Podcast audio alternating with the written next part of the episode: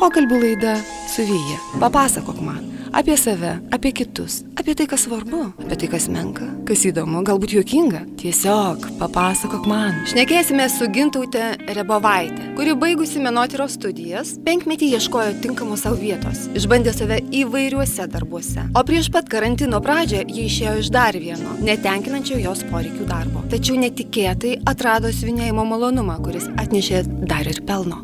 Pokalbių laida su Vyja. Naują pokalbį kas savaitę klausykite radio stoties FM99 eteryje ketvirtadienį 18 val. ir kartojimą šeštadienį 7 vakare bei sekmadienį 2 popiet. Taip pat ieškokite tinklalaidžių platformose. Papasakok man. Sveiki, FM99 klausytojai. Ir vėl prie mikrofono Vyja. Ir mano viešne, kaip ir girdėjote anonsą, tai yra Gintautė Rebovaitė. Labas, Gintautė. Labas, Vija. Ir šiandien mes kalbėsim, kaip ir dažnai mes kalbamės su, sakyčiau, tokiu nestandartiniu žmogumi, a, apie savo paieškas, ar ne, savo vietos paieškas kalbėsimės, apie veiklą, kuri, tiesą pasakius, turbūt ne kiekvienam įkandama yra. Ar taip? Aš teisi, Gintautė? Uh, Manyčiau, kad ne visai. Manyčiau, kad gali kiekvienas, tik kad galbūt ne kiekvienas nori to užsiimti. Patikėk, ne kiekvienas.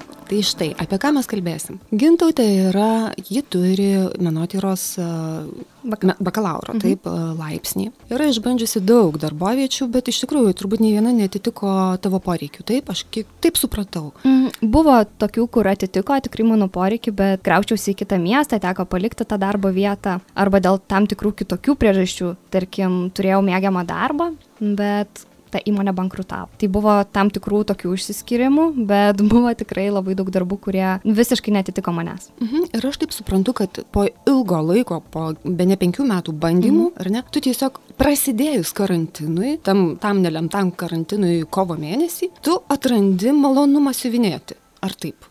Visiškai taip.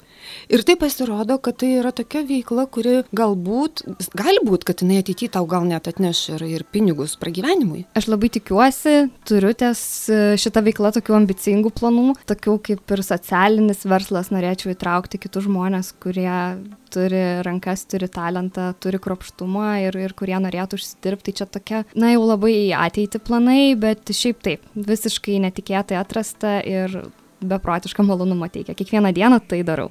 Tai dabar e, klausytojams taip imu ir paaiškinu. Tiesiog e, pradėjai siuvinėti paprasčiausių būdų, ar ne, adatą, siūlas ir tu man dabar papasakok, gerai, tarkim, aš bandau įsivaizduoti aš netenku darbo, atsisakau, išeinu iš savo nepatinkančio, nesvarbu, kokiu, kokiu būdu aš jo netenku, atsisėdu, ką aš daryčiau. Tikriausiai pirmiausia, aš prisigerčiau šampano arba vyno, ar ne? Ir paskui sakyčiau, pati savęs galėčiau, sakyčiau, Dieve, Dieve, Vyja, kokia tu esi netikus, kaip taip atsitiko, kaip tave žemė tokia nešioja. Ir aš tikrai turbūt nebūčiau ėmusi rankas siuvinėjimo siūlų ir, ir, ir geriausiai, ką aš padaryčiau, tai dar paglostyčiau savo katę, apsiverkčiau taip toliau. O tu ėmeisi tiesiog netinki ar ne kažkokio, išeini iš kažkokio darbo, kur jau tu supranti, ne, tai ne man, ar ne? Ir kažkaip tik tada atsirado tavo rankose. Na, aš turėjau tas e, penkias dienas per karantiną dar be siuvinėjimo. Tai ten buvo ir katės, buvo ir ašarų, ir daug ėjau. Buvau ir vienoje įmonėje e, dėl darbo pavadinimo neminėsiu, bet jie išvežiojo maistą po namus. Tai ten man sąlygos tiesiog labai nepatiko ir aš tada grįžus namo atsisėdu ir taip man sako artimieji ir aš paskui pati savo, nu bet tu dar palauk, tai tiesiog dabar yra karantinas, tu nieko čia dabar nepakeisi, tiesiog atsipalaiduok. Kurį laiką, o dabar dar neieškok darbo ir, ir pabūk. Na ir aš taip pabuvau tas vat, dienas ir atėjo tas siuvinėjimas ir labai kažkaip viskas aplinkui pradėjo lipdytis, kasdienybė, planai ir, ir tiesiog pati emocinė sveikata. Nes... Gerai, tai tu man sakyk, atėjo siuvinėjimas, kaip jis pas tai atėjo dviem kojom? Kaip jis atėjo? Kaip tau kilo mm. mintis?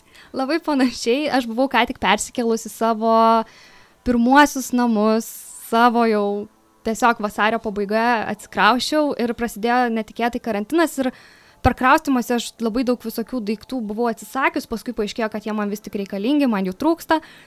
Ir šių tokių kaip įsigyti labai ir negalėjau kažkur patogiai, retai eidavau į parduotuvę, tai man mama karts nuo karto atsiųsdavo per paštomatą tokį davinį. Ten ir koinių, ir kondensuotą pieno, ir konservų, visokiausių dalykų. Ir viename davinyje aš radau siūlus ir adatą. Tiesiog paprasčiausiai siuvimo, nesiuvinėjimo, tiesiog paprasčiausiai siūlai.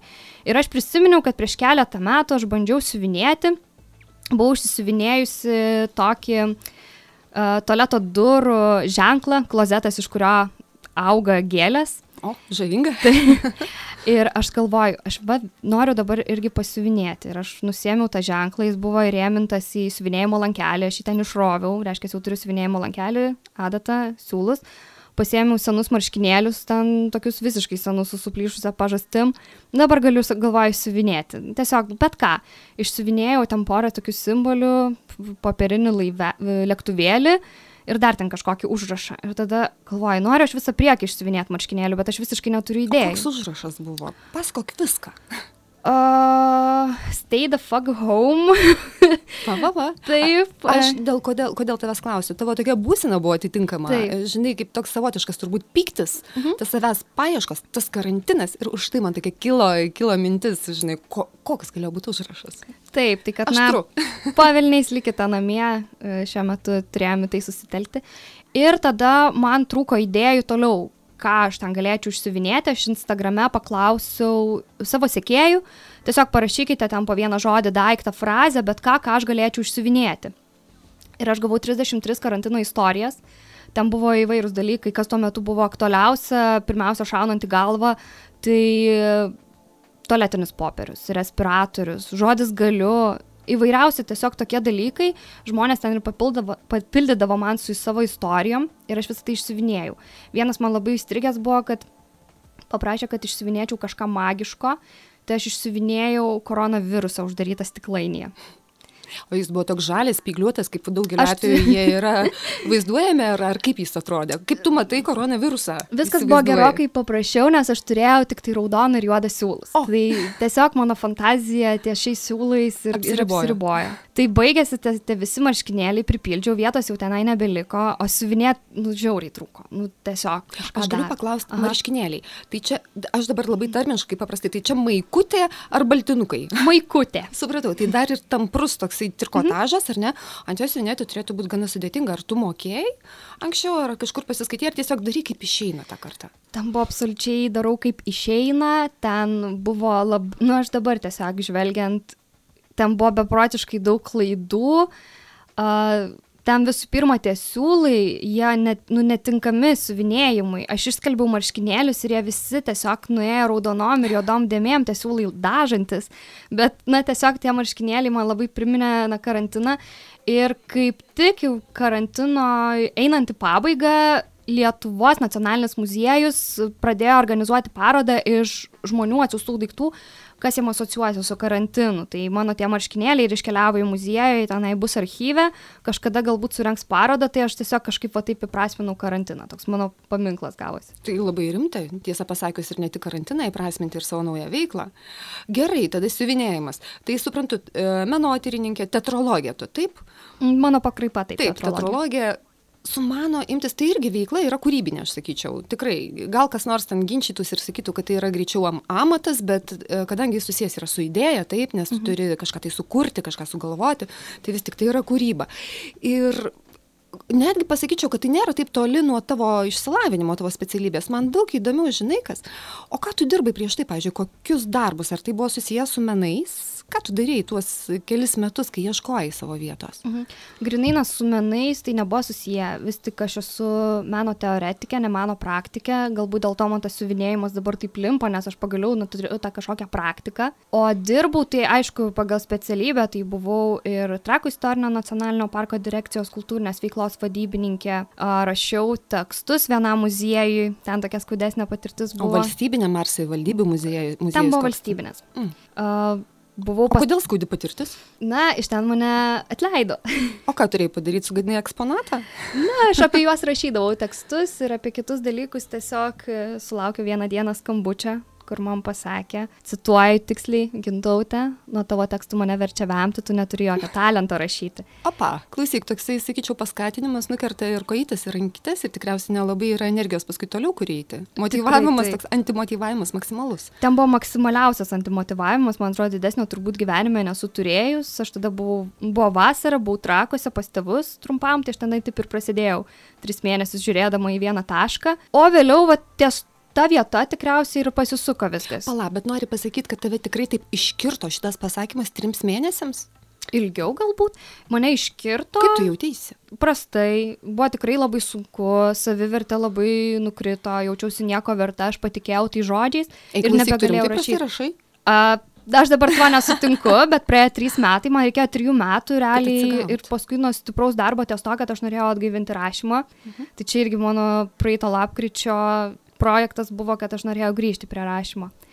Na ir tada praėjo ten tie trys mėnesiai mano žiūrėjimo į vieną tašką ir reikia dirbti. Kažką tai reikia dirbti. Ir buvo rugsėjus, kažkaip tų darbų nelabai buvo ir atsirado vienas toks įdomesnis autodalių išvežiotoja. Nu, O, galvoju, gerai. Įdomu.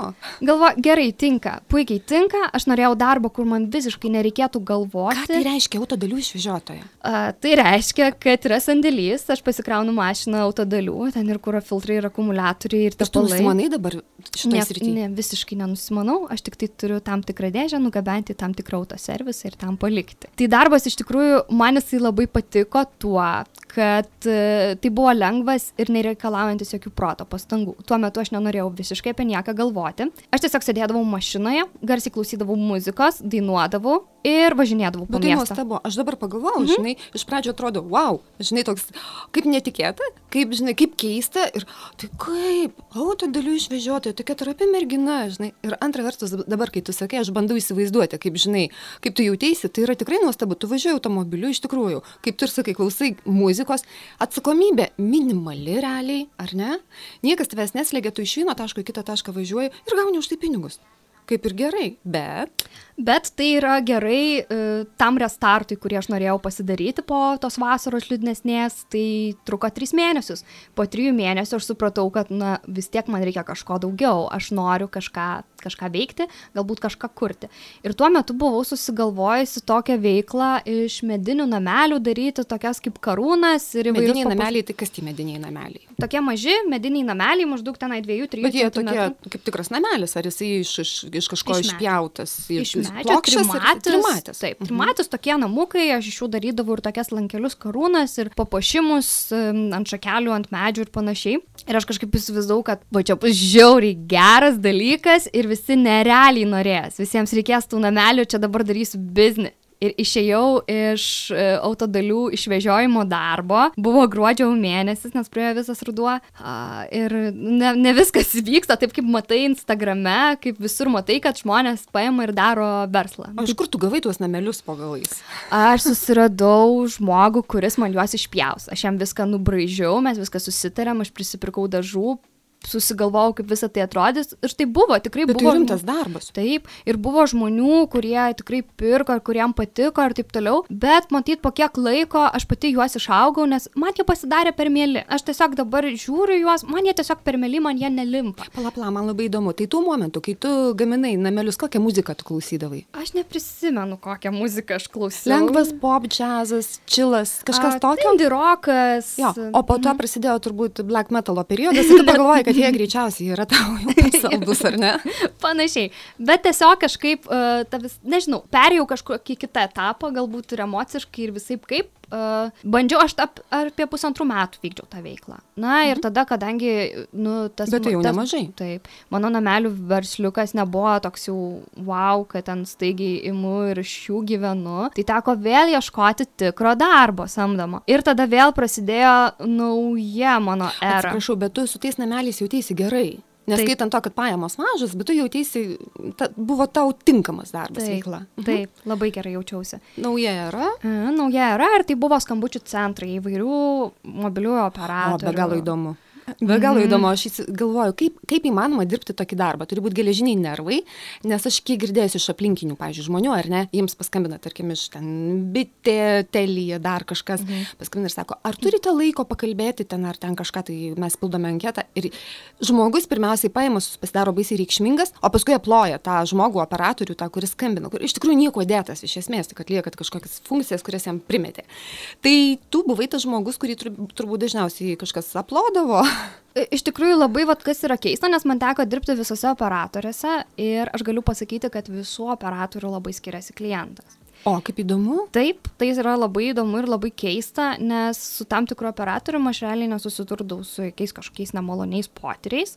Su kitu operatoriumi realiai 90 procentų skambučių buvo nemalonus ir paliekantis kažką neigiamo. Iš tokių, ką aš atsiminčiau, nes, na, dažniausiai vis tiek e, būdavo ta kritika nukreipta į kokybę, į kainą ar, ar kitus klausimus, kas nelėtė manęs kaip manęs kaip asmens. Taip. Mhm. Bet vienas skambutis buvo labai keistas ir jis mane labai išmušė iš vėžio, aš po jo ilgai verkiau. Tai paskambinu ir man moteris iš karto sako, atsiprašau, galite pasakyti, koks jūsų išsilavinimas. Aš nagi, sakau, o kuo tai susijęs su mūsų pokalbiu? Na, tai jeigu neturite aukštąją, tai kaip aš su jumis kalbėsiu? Sakau, aš turiu aukštai. Tai ką jūs veikiate šitam darbe? Ir aš tada... O gerai, galvoju, o ką tu atsakė? Ar tu atsakė, kad nors atsisveikinai? Ir man labai įdomu, kaip, kaip baigėsi tokie pokalbiai. Aš vidui labai surzau, aš nežinau, ar tai parodžiau, bet aš labai stengiausi greitai pabaigti tą pokalbį, pasiūlyti maždaug tai, ko jai nereikia, kad jinai sakytų ne ir aš tada sakau viskas, viso gero ir, ir taip ir maždaug įvyko pokalbio pabaiga. O tai, kaip tu jautėsi po to? Labai prastai. Aš tiesiog jau... Ar tau tada... neiškelia to klausimo maždaug, aš su aukštu įsilavinimu ir ką aš čia veikiu? Ar tai buvo, ta prasme, ar jinai sukėlė tavo vidinius kažkokius apmąstymus, ar tiesiog paėmė ir tavo savivertę vėl sutrypė kaip, kaip tas iš muziejaus kolega, ar ne? Ar buvo dar kažkokia trečiopa situacija? Aš iš vis nekėliau to klausimo, kad aš turiu aukštą išsilavinimą. Man atrodo, kad O kas čia tokio? Kas čia tokio, visi gali jį turėti. Mhm. Jisai labai lengvai pas mus prieinamas, iš tikrųjų net nereikia kažkokių tai ypatingų pastangų, kad gauti tą diplomą. Na, nebūk tokia tikra, vis tik aukštas išsilavinimas, VDU, menotyra, tai yra labai rimta. Taip, tikrai rimta ir aš labai džiaugiuosi, kad jį turiu, bet, na, diplomą turi daugelis. Tai reiškia, kad labai mažai žmonių galėtų dirbti, va, ten, tarkim, skambučių centre ir atsiliepinėti skambučius, nes tam vis tik reikia daugybės ir kitų gebėjimų, tarkim, skaityti, mokėti. Taip. Nu, nes, nu tiesiog. Tai dabar koks buvo klausimas grįžtum. Kaip tu jautėsi po to pokalbio, kai tavęs mm. paklausė, koks tavo išsilavinimas? Ir tu sakei, kad tu prastai jautėsi, bet kas viduje dėjosi?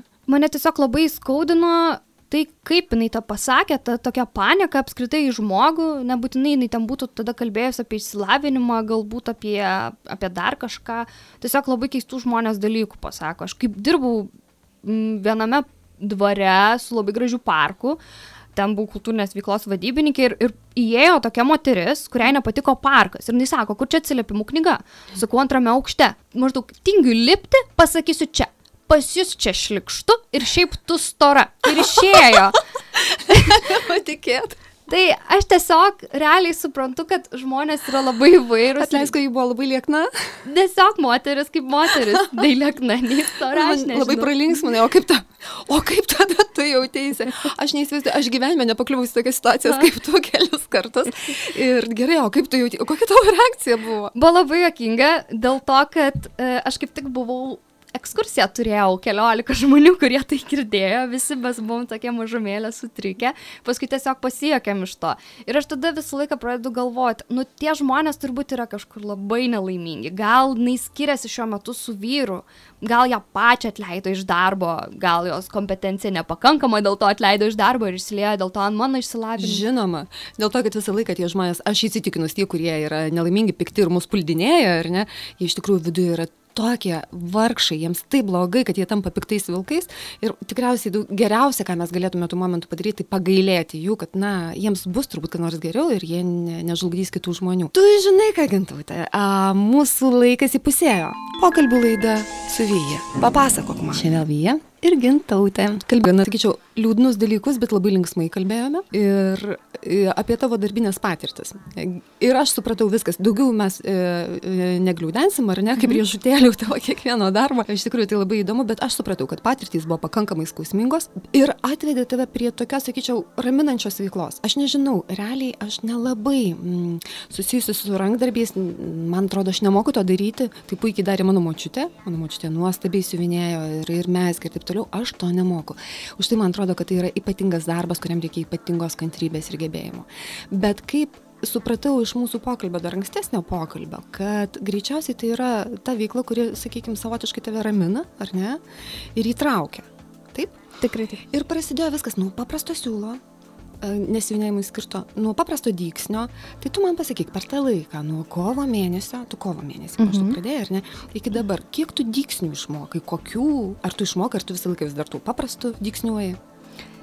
Taip, aš tą paprastą iš tikrųjų labai mėgstu, jis toks yra labai universalus ir su juo galima labai daug ką padaryti.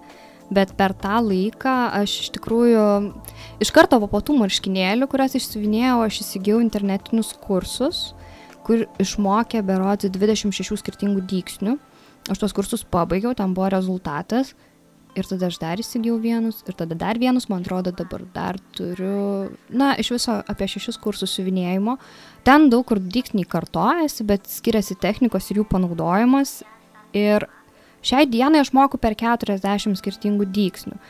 Mokėjimas 40 dyksnių yra daug, bet dar daugiau yra galimybės, kaip jos galima vieną su kitu derinti, dengti, panaudoti, sujungti ir galima išgauti tiesiog iš paprasto kažkokio objekto labai kažką įspūdingo. Papasakok man, ką tu, ką tu siuvinėjai, kokius, aš supratau, marškinėliai, taip, kas dar gali būti, kokie gali būti, nežinau, aš mačiau tavo darbus, yra su tekstais, ar ne, yra mhm. vaizdas, yra, iš vis nesuprasi kas, bet matau, kad ten skaičius ir labai gražiai išeina, tai papasakok, ką, ką tu darai? Iš tikrųjų, siuvinėjimai yra labai įvairūs, tai mm, neretai siuvinėjau ant marškinėlių ar džemperių, tai yra, nu, užsisako kažkokį tai objektą ten savo šuns atvaizdą, pavyzdžiui. Čia yra, na, vis tiek eina tuo paprastesniu dyksniu, bet siuvinėjau ir paveikslus, siuvinėjau paveikslus ir su kažkokia tai žinute, tai ten tarkim tie tekstiniai. Mhm. Nutrauksiu tave, siuvinėjau paveikslus, man iš karto asocijuojasi su siuvinėjimu kryželiu. Mhm. Aš jį žiūriu su menka tokia šypsenėlė, kodėl?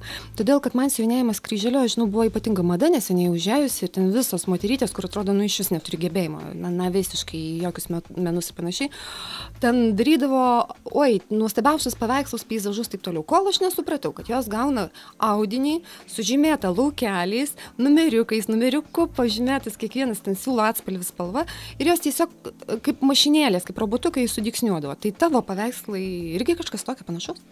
Visiškai ne. Ir čia yra ta tokia dalis, kur kai manęs paklausia, ką veiki pastaruoju metu, ką veiki šiuo metu ir aš sakau, siuvinėju, tai aš tokį jaučiu, kad aš lik ir turėčiau jau pasiteisinti apie tai, ką aš darau, nes Tai ne man, kryželis. Tai ne kryželis, nes man pačiai irgi suvinėjimas tai yra kryželis, tai yra schemos, tai yra tiesiog dėlionės dėliojimas vakare, spalvinimas pagal numeriukus.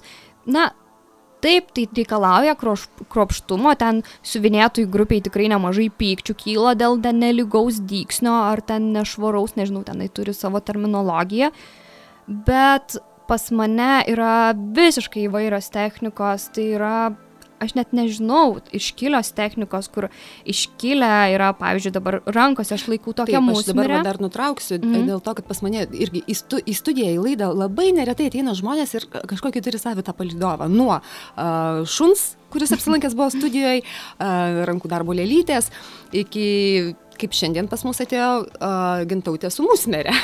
tai iš tikrųjų jie atsinešė tokį talismaną savo ją palaikantį, palaikantį darbelį, tai yra labai dailiai gražiai išsivinėta musmerė.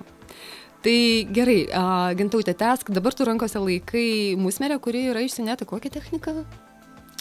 Čia aš dabar žiūriu ir matau, kad yra keturios skir ar penkios, penkios skirtingos technikos panaudotos. Uh, Ir čia yra iškili technika vadinama, aš aplinkui mus mirė esu padarius tokias sąmonas. Garbanėlės. Garbanėlės, tokias labai sunku kalbėti nupasakoti tai mhm. lyg kvapą. Tas, kad atrodo mhm. labai, na, gražus, linksmas, paprastas paveikslėlis, bet į jį telpa daug ir iš tikrųjų ta musmirė yra tokia pilna vidurė, mhm. ta prasme, kaip paveikslas išpildyta, tai aš taip suprantu, kad tie paveikslai, kuriuos tu siuvinėjai, ar ne, jie yra įvairiom technikom daromi. Mhm. Ir jie yra, viskas priklauso nuo to, kaip tu parinksi spalvą, atspalvį. Tau, žodžiu, kompiuteris nesužymi skaičiukais, kur Tikrai. tu turėtum kokį siūlą rinkti?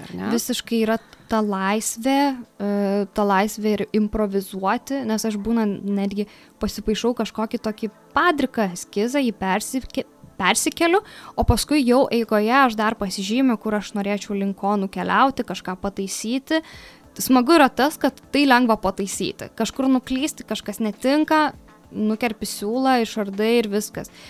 čia yra tokia įvairi technika siuvinėjimas dėl to, kad tai yra ne tik tai skirtingos technikos naudojamos, skirtingus spalvų siūlai, bet ir patys siūlai skirtingi. Skirtingi istorijai, skirtingas žvilgėjimas, gali būti šilkinis medvilninis, gali būti vilnonis netgi siūlas. Čia dabar paskutiniu metu naudojau tokį natūraliai rankomis gamintą vilnonį verpalą, iš kurio aš padariau būtent siuvinėjau malūną jo mūrą, kas ir atrodė ganėtinai tikroviškai ir toks, na, originalesnis panaudojimas to siūlo buvo. O tai, atsiprašau, dabar noriu paklausti, mm -hmm. o tai buvo kažkas paprašė, kad tu būtent iš vilnonių siūlų išsivinėtum, ar tai buvo tavo pačios idėja, ar tu kažkam kažką mhm. darai? Tai buvo mano pačios idėja, tenai iš tikrųjų buvo, na, dovana daroma, uh, užsakymas uh, moteriai, kuriai yra labai svarbi gyvenime daina, su žodžiais stovi malūnas prie kelio saulės, seniai vakaruos, mhm. tai aš tą dainą, na, iliustratyviau, va, taip apžaidžiau ir mhm. simboliškai ir ir išsivinėjau ten ir kalną, ir malūną, ir ten įterpiau man tą vien tas Vilnos, nežinau, panaudojimas, toks lietuviškas, toks kaimo. Jaukus, toks, jaukus taip. Mhm. Tai, tai labai smagu, kad vis daugiau atrandu ir vis daugiau galiu sujungti įvairių dalykų į tą siuvinėjimą ir jisai labai labai plačiai panaudojamas. Tai galima bet ką aš dabar ir veido kaukę esu išsisiuvinėjus, su kuria reikia vaikščioti visur viešose ir uždarose vietose. Tada tai gali būti bet kas, pagalvėlių, užvalkalai staltėse, užuoldas, galima labai originaliai viską pasidaryti. Čia tik tai reikia kantrybės. Ir kas yra man įdomiausia pačiai kaip asmenybei, kad aš tos kantrybės visiškai neturėjau. Neturėjau. Tau atrodė, kad tu neturi. Ir man net dabar jo turbūt kad atrodė kad aš neturiu. Aš net niekada nebuvau linkusi į tuos tokius taikomuosius menus. Aš visada lankiau teatro būrelius kažkas kur yra su judėjimu kur yra ta energija o kažkur ramiai kažką piešt man visiškai buvo neįdomu niekada piešimas. Aš nemėgau ir dailės pamokų. Iki šiol netgi nu sakau kad aš nemoku piešti. Aš taip na manau gal tai pasikeis. Ir net ir draugai aplinkiniai ir šeima juokiasi kad kaip čia tu ir siuvinėjimas, nu, negali būti, nu, tai ne tavo būdas. Niekas nemanė, kad aš neturėčiau kantrybės pradėti ir užbaigti kažkokį darbą. O tavęs pačia šitą veiklą ne, nestebino? Kaip tu pati atėjai? Tai? Stebina mane kiekvieną dieną, tai, na kiek, aš jau čia pusę metų turbūt stebina su kiekvienu vis sudėtingesniu darbu, aš vis savim pasididžiuoju, nes tai yra man asmeniškai, na labai daug. Ir tai yra pasiekimas. Taip. Nes po tų tokių pasakymų, kad tu netinki ten ar ten, mm -hmm. ar mhm. kažkas tiesiog savęs to tokio neradimo tos vietos, tu atradai tai, kur tu pasieki kažką, kuo tu džiaugiesi ar ne, išmoksti ir dar gali pasidalinti su kitais. Tikrai taip. Gintautė, ar daug turi sekėjų, pavyzdžiui, tam pačiam Instagram'e? Žiūrint, su kuo pasilyginti. Žinai, kaip, ar yra tų gerbėjų, kurie būtent atsirado per siuvinėjimą? A, taip. A aš e, iš pradžių keldavau tą siuvinėjimą į savo asmeninį profilį, bet tada supratau, kad, nu, ten turbūt daugeliu net neįdomu tas siuvinėjimas. Kaip tu rasti Instagrame tavo dar, darbus? Aš vadinuosi Manding, tai ir Facebook, ir Instagram vadinuosi Manding. O, labai gražiai skamba. Aha. Man dink, aš noriu siuvinėti. Taip, taip, labai gražu. Man dink, kiekvienas tai gali. ir, ir tada e, ten mes pamatysim tavo darbus, ar ne, taip. ir tavo technikas, ir žmogus norintis įsigyti kažką tokio, kad tu išsivinėtum, padarytum laisvai, gali per ten susisiekti, tau parašyti, ar ne, ar kažkaip taip. Tikrai taip, ir nebūtinai netgi, jeigu nori kažką įsigyti, aš mielai ir raginu viską, kas nori tai pradėti, kad man parašytų, aš papasakosiu, nuo ko reikėtų pradėti, galbūt patarsiu, kažkas neaišku. Labai, irgi labai įdomu įdomu, aš atsiprašau, nutraukiau tave, bet iš tikrųjų pas tave aš matau, kad tu neturi to tokio konkurencijos jausmo, kad neduok dievę dar atsiras kas nors, kas irgi -hmm. taip daro, tu labai nori, daliniesi, tas yra labai gera ir miela. Ir iš tikrųjų, e, kaip tu galvoji, ar įmanoma pragyventi iš to išsivinėjimo? Galbūt labai aš sudėtinga. Suprantu, kad e, baisu sakyti kažką į priekį, ar ne? Bet taip. kaip tu manai? Aš nežinau, ar taip nesinori nuvertinti tos Lietuvos rinkos ir panašiai, bet čia vis tiek pas mus yra gajus tam tikras požiūris į rankų darbą, kur na, galiu pats. Ir jis yra nei, nu, neteisingai galbūt vertintas, net sunku suvokti, kad prie tam tikrų darbų būna aš praleidžiu ten 8 ar 10 ar dar 14 valandų. Vieną darbą aš pamenu dariau na visą savaitę, bet aišku ne po 8 valandas, nes tiesiog akis net laiko tokio kiekio, bet na tai yra tikrai daugybė valandų ir aš tada būna pagalvoju, nu kad kai įsivertinta da, da darbą, kokią aš kainą, tarkim, galėčiau pasakyti, tai ten tas valandinis gautųsi kokie 50 centų. Nu, tai, tai šito tai nežinau, galbūt galbūt vieną dieną tai na, labiau vertins, bet tas yra sudėtinga. O tu vietoj. planuosi, turi pavyzdžiui, kaip pradėti verslą, tu kažką minėjai, kad norėtum mm. įtraukti ir daugiau žmonių į tai. Tai gerai, gal neplanuosi svajonėse, mm -hmm. bet realiuose svajonėse pas tavai yra tai, ar ne? Taip. Ir kaip tu įsivaizduoji, koks tai turėtų, kaip tai turėtų atrodyti? Ryte prasideda tavo darbo diena. Kaip tai turėtų atrodyti? O, svajonių darbo diena. Taip. Tai atsikeliu labai geros nuotaikos, nusiteikusi užkariauti pasaulį. Jokauju. Ne, ne jokauju šiaip. Ne jokauju. Ne, ne jokauju. Čia, čia geras nusiteikimas, taip. taip ir turi būti. A, taip, tai turiu nedidelį, bet labai jaukų kolektyvą žmonių, kurie vieni kitus palaiko ir mes tenai siuvinėjame. Aš galbūt jau... Kiek maždaug žmonių galėtų būti? Na, aš įsivaizduoju, kad iki penkių. Man atrodo, yra geriausias balansas iki šešių, kuomet galima tiesiog susėsti ir dar kažką aptarti, kai, kai mhm. yra tiesiog kažkoks pokalbis gali vykti ne grupelėmis. Ir aš jau tada norėčiau perėj, būti jau perėjusi tą lygį, kai aš kuriu tik tai tam tikrus kažkokius ypatingus darbus, vienetinius, turinčius kažkokią aukštą meninę vertę, mhm. čia jau tokiuose labai svajonėse. Taip, taip, taip. O kiti žmonės, jie, na, daro tuos, kad ir individualius ar vienetinius darbus, bet to paprastesnė technika ir tiesiog yra įsitraukę kažkokie tai įdomių likimų, kažkur savęs neradę žmonės. Va, žmonės, įdomu. Nebūtinai moteris ir kažkaip ta tokia harmonija ir ramybė atras, nes čia yra fantastiškas, fantastiškas poilsis. Tu žinai, aš dabar atsiminiau vieną istoriją, absoliučiai visai netyčia, man buvo mhm. dingę visai iš galvos.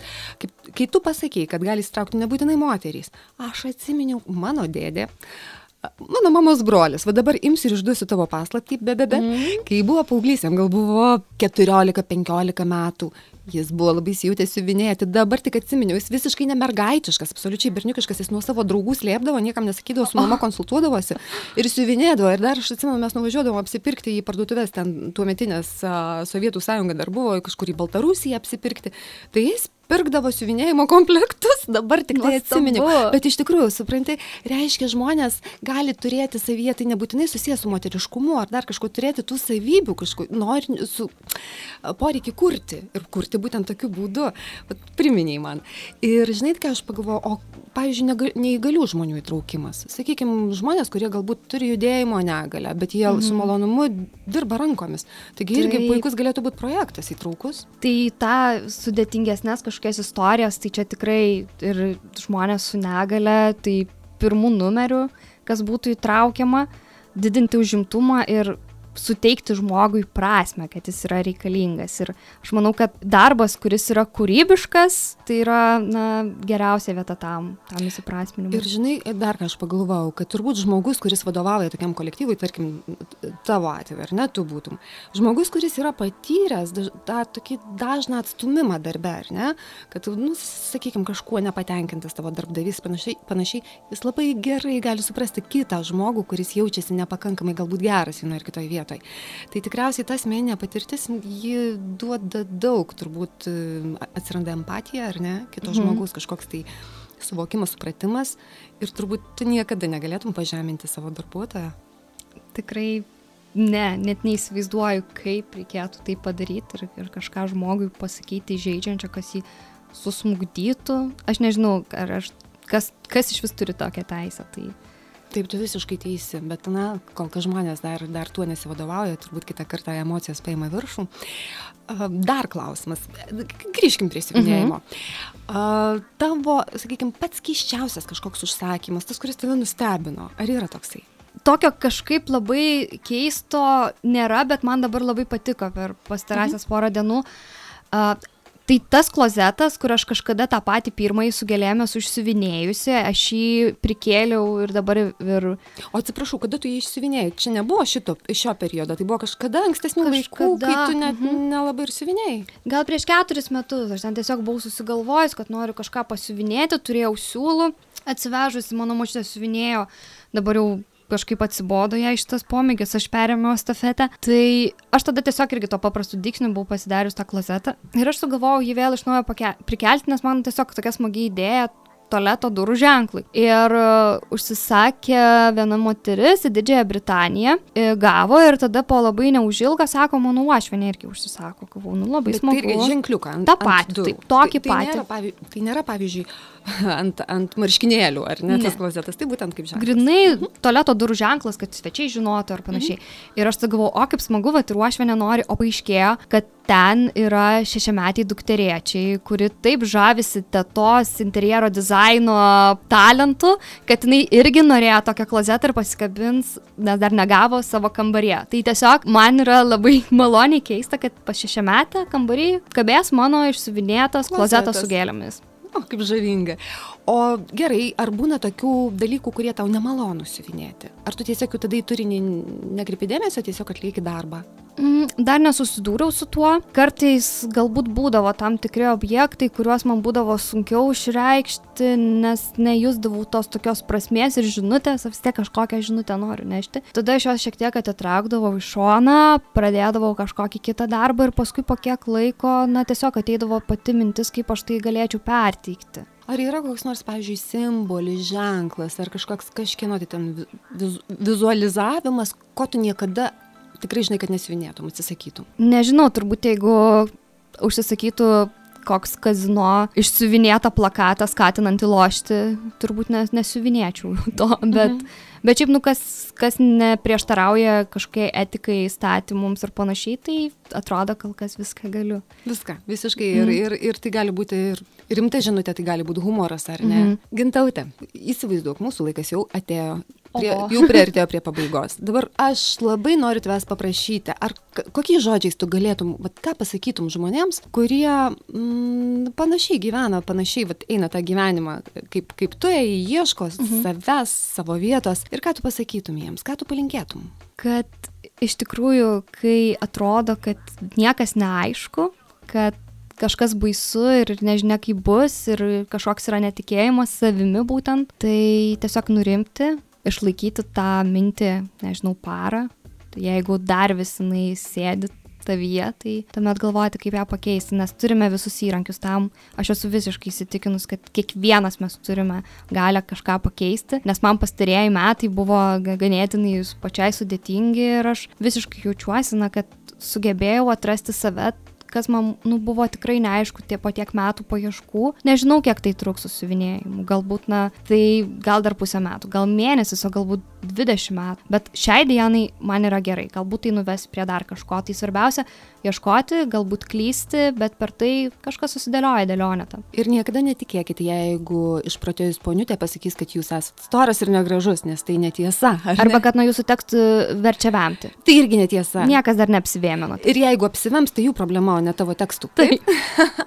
Ačiū Gintautė, kad atvykai į studiją ir, ir taip tikrai praskaidrinai šiandieną. Sėkmės tau. Ačiū, Vyja. Papasakok man. Pokalbių laida su Vyja. Radio stoties FM99 eterija ir tinklalaidžių platformose. Draugiški pašnekesiai ir nepaprasti paprastų žmonių gyvenimai. Jų istorijos ir mintys apie tai, kas svarbu, ar apie tai, kas menka, kas įdomu, galbūt juokinga. Kas savaitę naują pokalbį klausykite ketvirtadienį 18 val. radio stoties FM99 eterija ir kartojimą šeštadienį 7 vakare bei sekmadienį 2 popiet. Taip pat ieškokite tinklalaidžių platformose. Papasakok man.